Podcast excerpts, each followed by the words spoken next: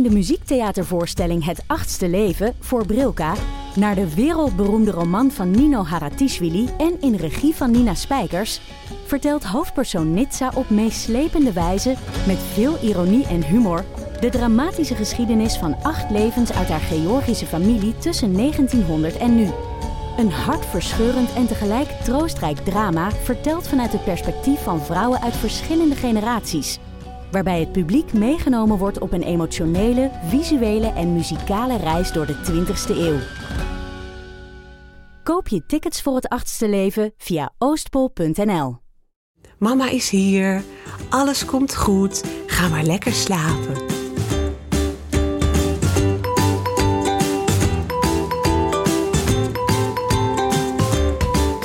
Welkom bij Ik Ken Iemand Die. Een podcast over zwangerschap, kinderen, ouder worden en alle ellende, geheimen en onvergetelijke momenten die daarbij komen kijken. Ik ben Nienke de Jong, journalist, schrijver, Fries in Utrecht, verloofd en moeder van Janne, mijn dochter van bijna 9 maanden. Leukste kind ooit natuurlijk. En oh ja, verkouden, dat ben ik ook. In deze eerste aflevering van Ik Ken Iemand Die gaan we het hebben over slaap. Of zoals vele ouders het kennen, slaaptekort. Wat doe je als je kind weigert te slapen en jij er totaal aan onderdoor dreigt te gaan?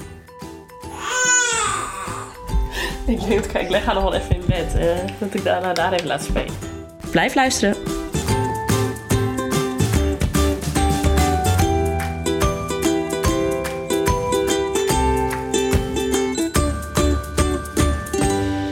Ik had me nooit gerealiseerd dat. Daar heb ik eigenlijk nooit over nagedacht. Dat, dat slapen. Uh, dat dat, dat, dat zo'n thema zou worden. En dat je daar dus ook zo'n gebrek aan kon hebben. Want als mensen dan tegen je zeiden, want dat zeggen mensen altijd tegen zwangere vrouwen: van geniet er nu nog maar even van, van dat je nog kunt uitslapen en Ja. dat je nog kunt slapen überhaupt. Wat dacht je dan? Ja, oh, dan, dan dacht ik wel, oké, er staat mij vast een heel zware tijd te wachten. Maar daar ging ik verder niet heel concreet over nadenken. Want eh, ehm, ja, je wil toch ook al die doemscenario. Ik dacht, ik, ik laat het gewoon allemaal op me afkomen. Ik ken iemand die twee kinderen heeft. Tim van 4 en Janne, ja, we hebben allebei een Janne, van 2 jaar. Je hoorde haar stem net, eh, ze heet Neeltje. Mijn vriendin Neeltje, die de afgelopen vier jaar zo ontzettend weinig geslapen heeft, dat het eigenlijk een wonder is dat ze niet is doorgedraaid en dat ze de puff heeft om überhaupt hier over haar nachtmerrie, over haar slapeloze jaren te praten. Alvast een spoiler, het gaat inmiddels weer goed met Neeltje en met haar man en kinderen. En later horen jullie ook hoe dat is gekomen. Maar laten we beginnen bij het begin. Vier jaar geleden werd Neeltjes eerste kind geboren. Tim kwam vijf weken te vroeg ter wereld. Gelukkig mocht hij snel met Neeltje en haar man Antal mee naar huis. Op zich deed Tim het nog best goed voor hoe klein dat mannetje toen was. Maar al snel werd het heel goed duidelijk dat hij een zwak lichaampje had. En hij had heel, echt heel erg reflux. Dus dat zijn melk eh, steeds omhoog eh, kwam door zijn slokdarm. En eh, daar werd hij dus voortdurend wakker van. En dan kruiste hij echt het hele huis bij elkaar. En eh, ehm, wij werden daar ook om de havenklap wakker van. Dus we hebben hem vrij snel op zijn eigen kamer gezet. Omdat we dat gewoon... Je hoorde dan echt anderhalf uur na zijn voeding... hoorde zo... En dan ging hij keihard krijsen. Echt keihard. En nou ja, dat, eh, dat was eh, nou ja, vijf, zes keer per nacht. En toen dachten wij van, nou, dit... eh, ja, dat was gewoon heel naar. En voor ons, maar vooral voor hem ook. Daar hebben we wel hulp van gehad van de kinderarts. En hij kreeg medicijnen. En toen ging het eigenlijk wel langzaam beter. Alleen toen was hij... Dood, hij was zo moe... Dat hij, hij kon eigenlijk niet meer slapen van het huilen en van de pijn. En van het, hij was gewoon helemaal, hij had helemaal geen ritme. Ja, toen dachten wij, shit, wat moeten we nu doen? Toen zijn wij, toen was die vier maanden zijn wij, eh, hebben wij de rigoureuze eh 20 minuten huilen methode toegepast. Neeltje heeft het hier over de methode van Ria Blom. Dat is een jeugdverpleegkundige uit Utrecht die al 30 jaar in het vak zit en die een aantal boeken heeft geschreven over rust, reinheid en regelmaat. Het zijn van die boeken die elke jonge ouder op een gegeven moment toegestopt krijgt van een tante of van een buurvrouw die vindt dat je wallen te groot en te donker zijn geworden. Enkele speerpunten van Ria Blom zijn een vast dag- en nachtritme voor je kind, een vaste slaapplek en een vaste speelplek en het inslaaphuiltje. Het huiltje dat je kind heeft als het moet gaan slapen. Je wilt hem of haar dan het liefst oppakken en troosten, maar Ria leert je dat je hem een tijdje moet laten huilen. 15 tot 30 minuten. En dat is nog een hele opgave. Het is echt de hel. Anton moest mij soms echt vasthouden op de bank, ongeveer bovenop mij gaan zitten. Omdat ik dus alleen maar naar dat krijzende kind in die kamer wilde. Uh, en hij zei, nee, je doet het niet en je gaat niet. En we zetten dit nou door, want we moeten slapen, weet je zo. Nou ja, we hebben doorgezet. En op een gegeven moment knakte die. Echt. Je ja. knakte. ja, en in het boekje staat dan dat hij zich overgeeft aan de slaap en aan de. Maar goed, deze methode is ook inmiddels wel echt enorm omstreden. Maar goed, wij, dat was toen het enige waarvan wij dachten: nou, dit moet het dan maar zijn. Maar het werkte dus wel. Het werkte als een trein. Sindsdien is hij echt nooit meer wakker geweest s'nachts. Ja, behalve als hij ziek is. Fijn hè? Na een half jaar kon Neeltje eindelijk weer eens rustig haar ogen sluiten. Tegen haar man aankruipen en heel veel uh, slaap inhalen. Maar heel lang kon ze daar niet van genieten. Tot ik mijn tweede kind kreeg. oh, wacht, ik dacht, dit is nu klaar. Nee, nee, nee, nee, nee. Het wordt alleen nog maar erger. Maar daarover vertelt Neeltje jullie zo meteen meer. Ja, slaap. Iets van vroeger, zeg ik wel eens. kan wel slapen nu. Dit zijn Hanneke, zij is de moeder van Alma van 6 maanden, en Anne. En hij is de vader van Julius van 9 maanden. Normaal praten wij de hele dag door al op de app, maar nu zitten we bij mij aan de keukentafel. Om het te hebben over baby's, slaap en onze eigen rare ervaringen. En om Neeltjes verhaal te bespreken. Hoe laat is het nu als we opnemen? Het nu half negen. Hanneke, slaapt jouw kind nu? Ja, die slaapt wel nu. Ja? Ja, misschien mag ik eigenlijk ook niet. Nou, nee, dan mag je niet klagen, nee. Nee, s'nachts slaapt ze heel goed. Alma, mijn dochter, zes maanden. Maar dus ik ben er nou steeds voor slapen gaan vol en stouwen met aardappelen en dat soort kost, zodat ze langer doorslaapt. Maar ze slaapt overdag, wil ze nooit slapen. En op het kinderdagverblijf slaapt ze soms uren. Ik was hier om half zeven bij Nienke, denk ik. Ja. En toen sliep Janne, jouw kind, al. En ik, vind het echt, ik kan er ook echt niet bij. Ja, maar die slaapt echt als een os. Die slaapt gewoon van half acht tot half acht. Even tussen jullie en mij, hè, luisteraars. Het was natuurlijk hartstikke gezellig met elkaar aan de keukentafel. Maar over één onderwerp merk ik dat ik nog wel eens hatelijke blikken krijg. Namelijk als ik vertel dat mijn kind het klokje rondslaapt. Heerlijk. vanaf wanneer sliep zij door? Ja, zij sliep al heel snel door. Dus, en dan zegt men ook wel van als het eenmaal goed zit, zit het eigenlijk al lang goed. En toch durf ik dat niet zo te stellen. Nee, want je bent, ik bedoel, ik ben ook nog altijd bang dat ik ineens een huilbaby heb. Ja. Na zes maanden nog. Maar jouw zoon slaapt nou nog niet? Nee, nee, nee. Nee hoor, die zit nu nog druk te spelen. En uh, die vraagt zich af wat hij vandaag gaat doen eigenlijk nog wel. Wat, uh, wat de rest van de dag in petto heeft. Want hoe, hoe ziet zo'n avond eruit dan? Ik, ben nou, ik, ik, viel, ik viel laatst eerder in slaap dan mijn zoon van negen maanden. maar hij is wel heel blij. En... Hij is super blij. Het is echt uh, een fantastisch kind verder. Hij heeft alleen en hij, hij lacht heel veel en is vrolijk. En hij heeft, hij heeft heel veel energie. En we hadden hem in het bed gelegd tussen ons in. En wij waren alle twee in slaap gevallen. En ik werd op een gegeven moment wakker en hij had zich naar me toe gedraaid. En ik doe mijn ogen open en hij zit me zo aan te kijken van... Hé, ben je wakker? Wat uh, gaan we nu doen dan? En hoe laat was dat? Ik denk dat het kwart over elf was of zo. Christ alive. Maar Nienke, wat is jouw geheim? Ja, dat is dus het stomme, hè? Ik bedoel, dan begint dus altijd, als er een kind slecht slaapt, beginnen altijd andere ouders altijd van, oh, weet je wat je moet doen? En ik kan ook soms een hele sterke mening hebben over mensen die eh, gekke dingen doen om hun kind in slaap te krijgen. Ik ken bijvoorbeeld iemand die kind moet altijd in slaap gewiegd worden in een schommelstoel elke avond. Dan denk ik, ah, daar begin je toch niet aan. Maar ja, als het werkt, dan ga je ermee door. En dan durf je het ook niet meer los te laten. Ik zet nu schommelstoel op mijn lijstje. je hebt een schommelstoel nodig, Hanne. Nee, maar uh, zij houdt gewoon heel erg van slapen. Maar goed, dat kan ook wel kloppen, want uh, iedereen in onze familie, we houden allemaal erg, kom uit een, uit een lange traditie van hele, hele diepe slapers. Maar wat, wat is je, heb je een ritme? Heb je een, een ritueel? Uh, nou, misschien is mijn geheim wel, want wat jullie niet doen en ik wel. Ik praat altijd, als ik haar naar bed breng, praat ik altijd Fries met haar. Misschien word je daar heel slaperig van. Dus misschien moet je maar gewoon Fries praten bij naar bed brengen. Gewoon een Suzanne Poppes, jongen, hè? Afijn. Terug naar Neeltje. Toen Tim een jaar was, werd Neeltje weer zwanger. Maar dat ging niet goed. Na 14 weken kreeg ze een miskraam. Vier maanden later werd ze weer zwanger, ditmaal met succes. Met Tim ging het ondertussen prima. Die had de stijgende lijn te pakken. Uh, hij was toch al wel echt wel wat ouder, 2,5 toen, uh, toen Janne geboren werd. Onze dochter van uh, twee, bijna. dus dat, dat, dat, met aan het slapen had ik zeg maar in al die tussentijd niet meer gedacht Totdat ik wel dacht, oké, ja, shit. Daar komt straks weer een kind uit. Ja, want heb je ook dan niet, wat ik dan vaak hoor van ouders die een tweede krijgen, dat je, je weet van dit kan een heel ander kind worden, maar in je hoofd hou je daar niet heel erg rekening mee en denk je, ga je er toch een beetje van uit dat het kind hetzelfde zal reageren op dingen als de eerste? Nou, ik was eigenlijk wel een soort van. Voor mij begon het heel erg weer met een schone lei. Ik dacht, dit wordt een heel nieuw kind. Ik ken dat kind nog niet. Misschien wordt het weer een huilbaby. eh, met reflux en longen en alles gedoe. Maar daar heb ik al een keer gehad, dus dat kan ik wel. En de kans dat dat niet gebeurt, is, die is groter.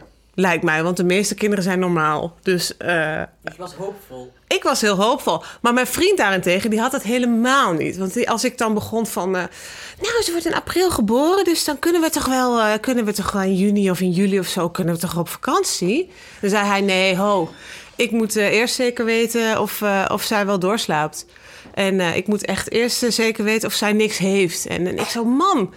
Je verpest het echt een beetje voor mij. Want dit wordt, dit wordt vast een kind dat het allemaal heel goed doet. Oké, dat weten we helemaal niet. Maar ik wil daar wel over kunnen fantaseren. En hij trapte gewoon steeds op de rem. Van wow, nee, wacht. Dit kan ook weer gewoon een huilbaby worden... die je dan uit frustratie op de commode smijt.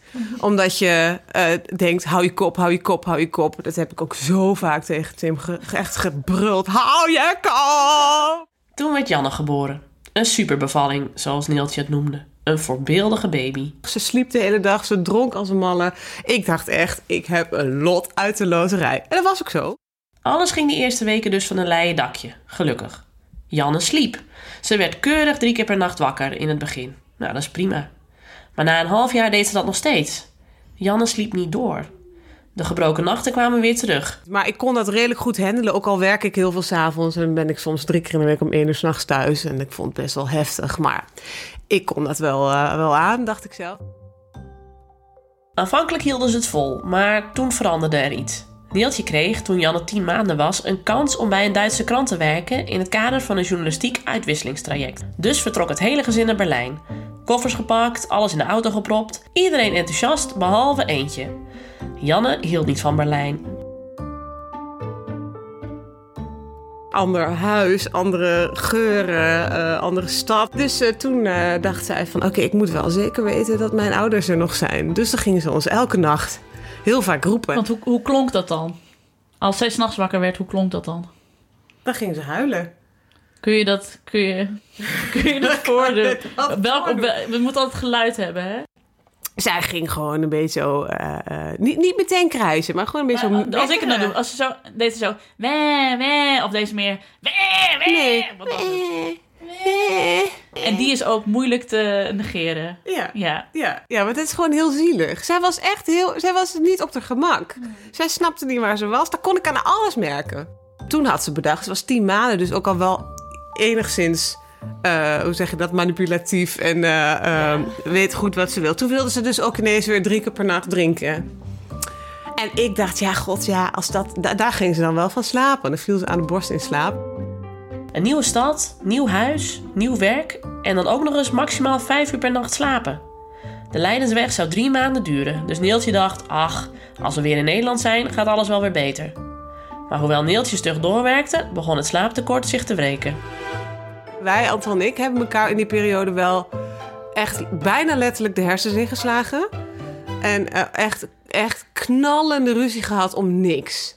Dat was dan overdag gewoon door slaapgebrek. Of was dat s'nachts van, ga jij eruit? Nee, ga jij eruit? Mm, Soms ook wel, mm, omdat ik vond dat ik altijd eruit moest. Hij is ook nog doof aan één oor, wat natuurlijk heel vervelend is, maar soms ook heel handig.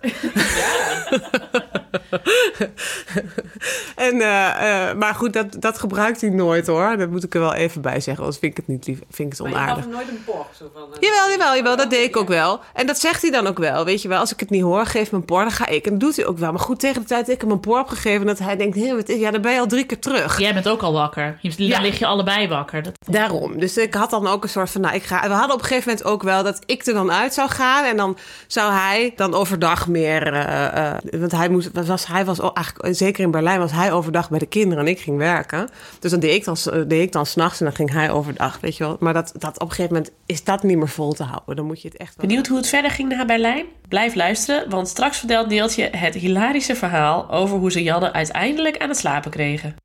Maar eerst weer even naar mijn keukentafel. Naar Hanneke en Anne en het verdelen van de nachttaken.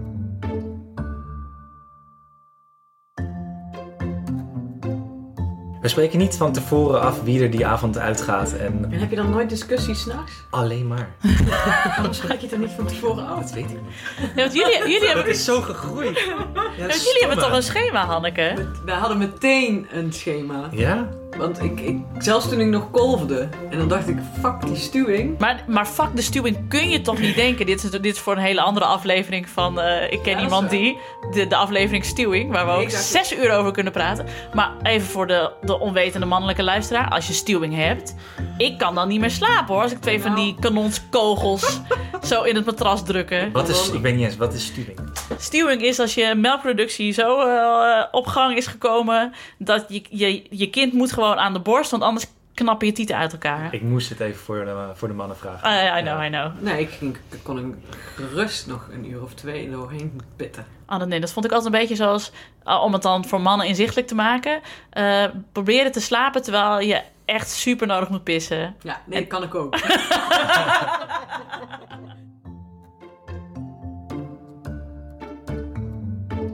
Janne, die is nu negen maanden, toen ze nog heel klein was, toen gaf ik borstvoeding.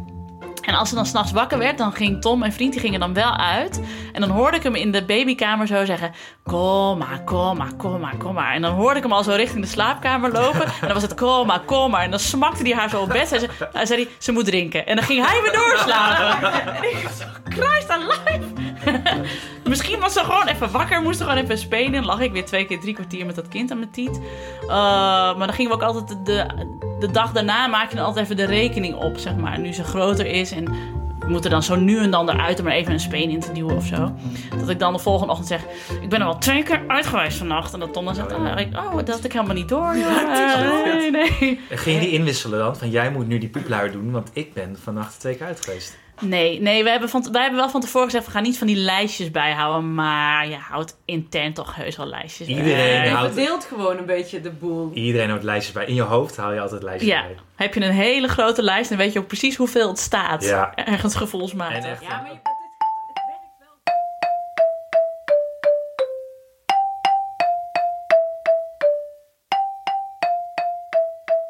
Nou vragen we ook elke maand aan onze luisteraars wat hun ervaringen zijn met het thema. Dus hier jullie reacties op het thema slaap.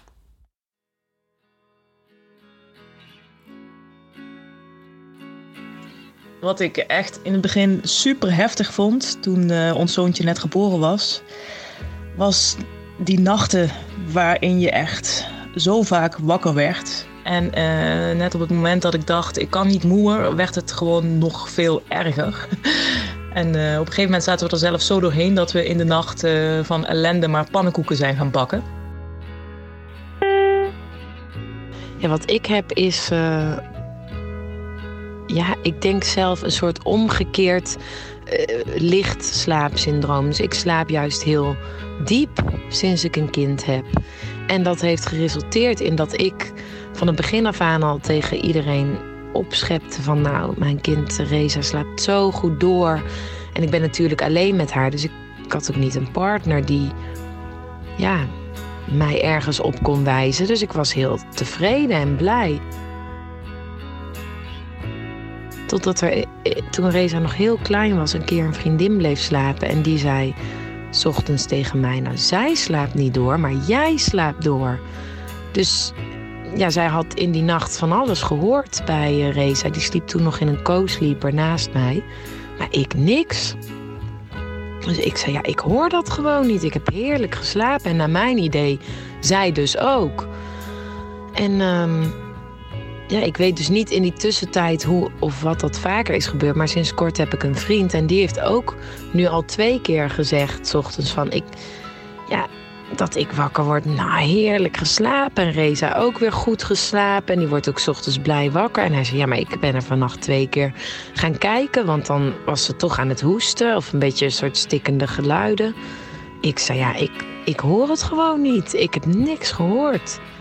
En ik denk dat we er allebei baat bij hebben. Want zij wordt vrolijk wakker en ik ook. Dus ja, in principe niks aan de hand zou je denken. Maar hoe het kan, vind ik heel raar. Want je hoort altijd dat vrouwen zo licht slapen en van elk draaitje en kuchje wakker worden en ik niet. Ontvangen gisteren om 11 uur 18.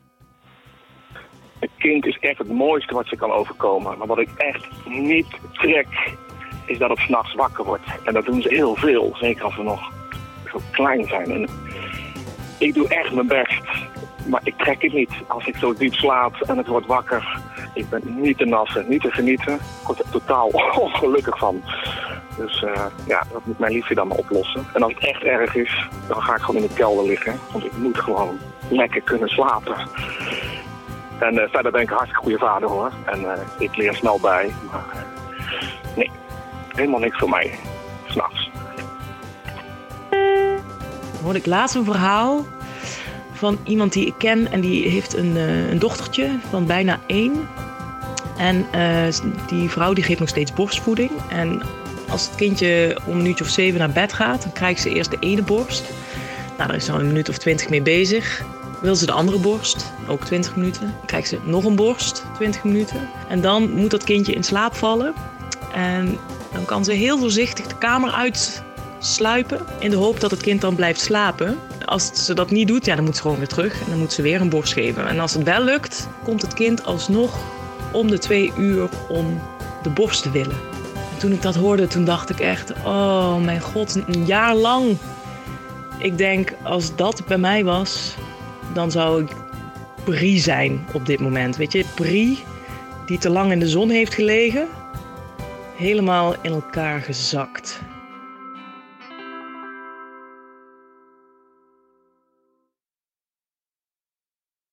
Schlafentzug.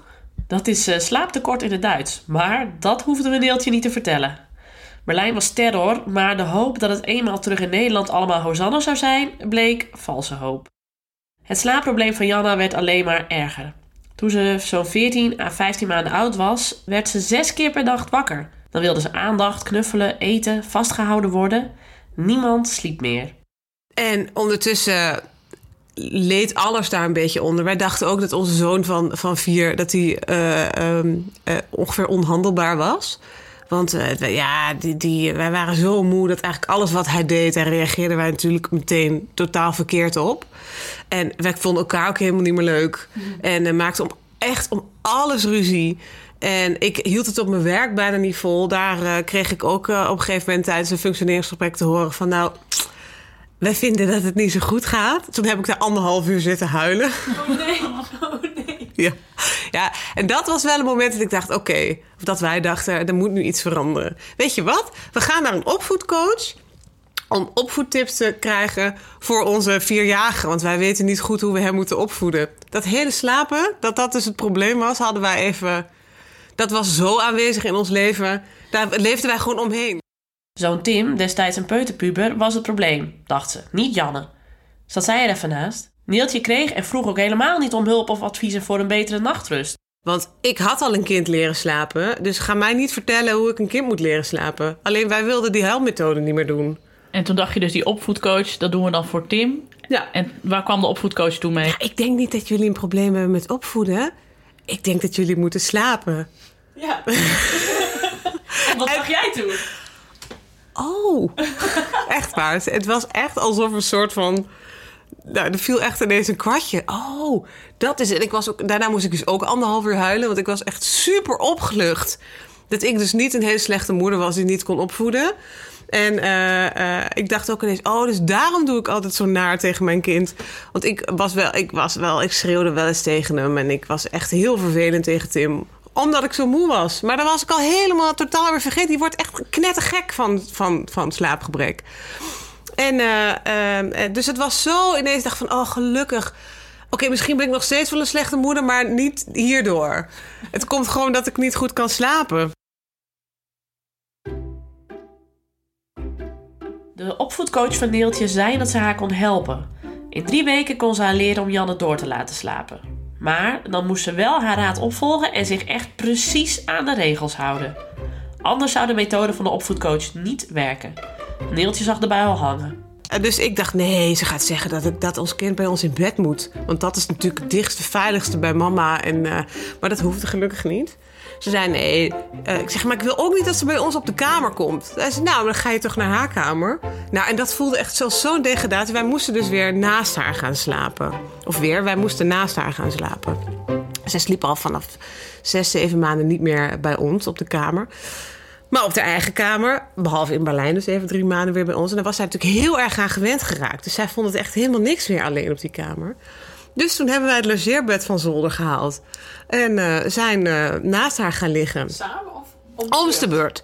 Ja, want dan moest je dan om de beurt. En dan mocht de ander met oordoppen in bed liggen. En die mocht dan de hele nacht slapen. Nou, echt jongens. Dat was toch zo, zo, zo de hemel. Dat we op een gegeven moment ook niet meer om en om deden. Maar drie dagen op, drie dagen af. Zodat je even lekker... Net zoals op het voorplatje. ja. Ja, ja, ja. dat je even lekker bij kon tanken. En nou, het idee was dan dat de eerste, dat, eh, nou, je sliep dan naast haar. En de eerste tijd werd zij natuurlijk nog steeds vijf keer wakker. Of eigenlijk toen tien keer. Want zij dacht natuurlijk, Gezellig. gezellig, er ligt iemand naast mij. Nou, en dan moesten, we- moesten wij een soort mantra verzinnen. Ieder een eigen mantra. En dat elke keer als zij dan wakker werd, moest je dat tegen haar zeggen. En moest je het even over de bolletje aaien. En dan eh, dat mantra maar bl- blijven herhalen tot ze... we moesten dan steeds twee minuten tussen laten zitten of zo. Dus we hadden ook een, een we- een wekkertje op de kamer staan... zodat je heel goed die tijd in de gaten kon houden. En dan, eh, nou, het idee was dan dat, dat ze dat mantra dan een soort van in haar hoofd zou krijgen. Dat dat een soort van triggertje zou worden om te gaan slapen. Dat ze zich daar dus veilig bij voelde. Dus ik zei dan steeds: Mama is hier, alles komt goed, ga maar lekker slapen. Dus stap 1. Elke avond ging Neeltje, afwisselend met haar man, bij Janne liggen en zei voor het slapen gaan haar mantra. En zo waar, Janne werd er rustig van. Na een week merkte Neeltje al een verschil. De volgende stap in het plan dat de opvoedkundige had uitgestippeld was als volgt. Als Janne wakker werd s'nachts, mocht Neeltje haar niet meer oppakken of over haar bol aaien, maar alleen haar mantra zeggen. Mama is hier. Alles komt goed. Ga maar lekker slapen. Zo wist Janne dat mama of papa in de buurt was. Werd ze weer rustig. De volgende stap? Proberen om steeds minder frequent het mantra op te dreunen. En Neeltje hield zich aan de regels. Nou, op haar eigen manier dan. Wij zouden op zich binnen drie weken met het hele proces klaar zijn. Maar wij waren ongeveer na drie weken bij stap twee. Ook omdat wij het heel moeilijk vonden om steeds de volgende stap te zetten. Omdat eigenlijk al het succes dat wij hadden was al zo... Yes! Dat we dus eigenlijk ook, wat jij heel erg in het begin zei... niet verder durfden te gaan. Want dan gingen we het weer anders maken. Voor hetzelfde geld ging zij dan weer niet slapen. Dus het was wel heel spannend. Nou ja, en dan het volgende mantra, of de volgende was dan dat je eigenlijk, dat zij dan wakker werd. En ze werd echt steeds minder vaak wakker. Op een gegeven moment werd ze nog maar drie keer per nacht wakker of zo. Nou, dat vond ik echt een walhalla. Mo- Mocht je niet meer iets doen. Moest je eigenlijk gewoon er zijn, maar niet reageren. Gewoon blijven liggen. Sliep ik nog bij haar op de kamer. Gewoon echt pal naast haar. Want haar kamer was ongeveer zes vierkante meter. Dus daar paste precies haar bed, ons logeerbed en de commode naast elkaar. En dat was vol. Maar, maar hoe ben je er dan als je niks mag zeggen? Hoe laat je dan weten? En je mocht er ook niet aanraken. Nee. Dus dan ging je gewoon met je hoofd bij haar hoofd? Of Nee, ja, wij lagen dan zo'n beetje zo naast elkaar. Ik kon haar zien en zij mij ook. En, eh, eh, maar ze, het eigenlijk, wat ze, ze wordt wakker om te kijken, is mijn moeder er nog? En in het begin wil ze dan nog contact. En nog, maar op een gegeven moment weet ze gewoon... Oh, mama, ze werd ze wakker, keek ze even. Oh, ze was er nog, ging ze weer liggen. Sliep ze weer verder. Het was zo'n wonderbaarlijk proces om dat te zien. Nou, en op een gegeven moment eh, konden wij gewoon hele nachten naast haar slapen. Zonder dat ze wakker werd. En toen hadden wij een soort impasse. Want ze sliep. Maar we sliepen wel bij haar op de kamer. Dus kut, wat nu? En wij durfden ook niet meer van die kamer af. Want ja, voor hetzelfde geld ga je van die kamer af. en dan slaapt ze niet meer. En toen, toen kwam... Oh jongens, ja, ik moet er zo om lachen. Want we hebben dus echt de gekste dingen gedaan. Toen was moesten we steeds verder die kamer uit. Dus, Toen heb je op de geslapen. nou, eerst in de deuropening. eerst in de deuropening. Nou, en dat hebben we ongeveer drie, vier nachten volgehouden. Met een matras. Nou, ook met dat bed nog. Dat hadden we zo langzaam zo de deur uitgeschoven. Eh, en dan lag ik nog met mijn hoofd in de kamer en met mijn voeten op de overloop. Vier, na, na, na drie, vier dagen ben ik omgekeerd gaan liggen met mijn voeten in haar kamer en met mijn hoofd op de overloop. Het was ook voor ons een proces, hè? Want waarschijnlijk konden wij al lang weer naar onze eigen kamer. Maar dat, dat, dat kan dan dus niet meer. Je wil dat echt helemaal. Het moet tot in de puntjes perfect. Dus er mag geen stap overslaan. Dus we moesten ons omdraaien. En toen inderdaad op de overloop. Dat logeerbed paste niet op de overloop. Dus lagen we met een matras. En dat lag dan ook een beetje zo dubbel gevouwen. Dus je lag in een soort bootje. Lagen. En ik ging dan ook wel eens vroeger naar bed dan Antal. Dus die kwam op een gegeven moment die trap opgelopen. En dan moest een traphekje, kon dan niet open, want ik lag daar. Dus dan klom die over het traphekje, stond dan vervolgens op mijn haar... om dan de deur naar de slaapkamer open te doen. Moest die over mij heen stappen. Nou, het was echt dat we soms elkaar ook aankeken van... waarom doen wij dit? Oh ja, wij doen dit zodat we dan lekker kunnen slapen. Nou, ze hebben nog een week of zo op de gang gelegen. Toen waren er zes weken voorbij waren we wel een beetje teleurgesteld dat we het niet hadden gered in drie weken, maar hey. En sindsdien, eh, toen zijn we heel voorzichtig weer in ons eigen bed gaan liggen. Hadden wij dus ook zes weken niet bij elkaar geslapen. Moest je jezelf er aan elkaar voorstellen? Nou, zo ongeveer, ongeveer wel. Het is dan namelijk ook best wel lekker om alleen... Ik vond het heerlijk, jongen, dat ik dus in mijn eentje in dat tweepersoonsbed kon liggen. Met oordoppen in. En dat ik niks hoefde te doen. En hoe ging het ondertussen met Tim? Dat arme schaap had natuurlijk ook wel door dat zijn ouders gezellig bij zijn zus sliepen. Hij vond het helemaal niet leuk dat, eh, dat wij bij Janne gingen logeren. Dus we hebben in die periode ook vrij regelmatig bij hem gelogeerd. Dus dan gingen we, legden we gewoon een matrasje bij hem en dan gingen we bij hem slapen. Dat vond hij geweldig. Ja, ja, ja. Lag er niemand in het... eh, Dan gaat niemand in het grote bed, nee. nee. Na bijna twee maanden waarin ze hun logeerbed door het hele huis hebben gesleept, was de rust en orde wedergekeerd in huis het Neeltje. Dit is nog maar amper drie maanden geleden, maar voor Neeltje is het verschil met nu zo groot dat het jaren geleden lijkt. Ja, ik voel me wel... Ik, ben, ik ben nog steeds moe. Ik denk niet dat dat ooit overgaat, maar ik voel me wel echt een totaal ander mens. Scherper. Scherper, eh, actiever. Ik heb nog steeds niet echt zin om te sporten, maar ik kan er op zijn minst wel weer over nadenken. Terwijl voorheen alleen van het woord sport spellen werd ik al moe. Wat ik nu wel wil doen, ik, ik ga eigenlijk elke avond om, om tien uur naar bed. Terwijl toen ik zo kort sliep, probeerde ik eigenlijk ook, ging ik eigenlijk veel te laat naar bed. Omdat ik dacht, ja, ik wil nog ook nog wel een soort van... Als ik nu ook nog vroeg naar bed ga, dan heb ik, dan heb ik echt totaal geen leven meer. Ik wilde dan s'avonds nog wel dingen doen. En dingen kijken en dingen lezen. En dat heb ik, tot nu ben ik daar totaal van afgestapt. Ik ga gewoon tussen half tien en tien naar bed.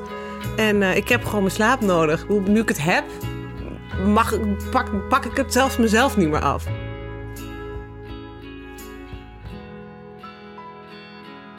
Ik ben echt blij voor dat het nu goed gaat. Ik ben ook heel blij dat het goed gaat. En ik voel me nu nog meer echt een stom kutwijf dat mijn kind zo goed slaapt. Want ik durf dat echt niet meer te vertellen op feestjes hoor. Maar stiekem, hè, soms, ik ben soms ook wel blij als ik verhalen hoor van ouders waarbij het helemaal heel slecht gaat. Dan denk ik, oh, bij mij gaat het eigenlijk wel goed. Wat fijn. Ja, want het Wat zijn, ben ik eigenlijk gezegend. het zijn de, de kleine dingen waar je zeg maar je... Kijk, je weet natuurlijk nooit of je het goed doet als ouder. En hier haal je dan een soort van zelfverzonnen zelfverzekerheid uit. Is Ja. dat een zin? Ja, ik vind het zin. Ja, dank je. Dank Ja, je. op zich zitten wij nou hier al de hele tijd heel hard te roepen en te lachen. Ik heb nog geen kick van Janne gehoord in ieder geval. Helemaal niks.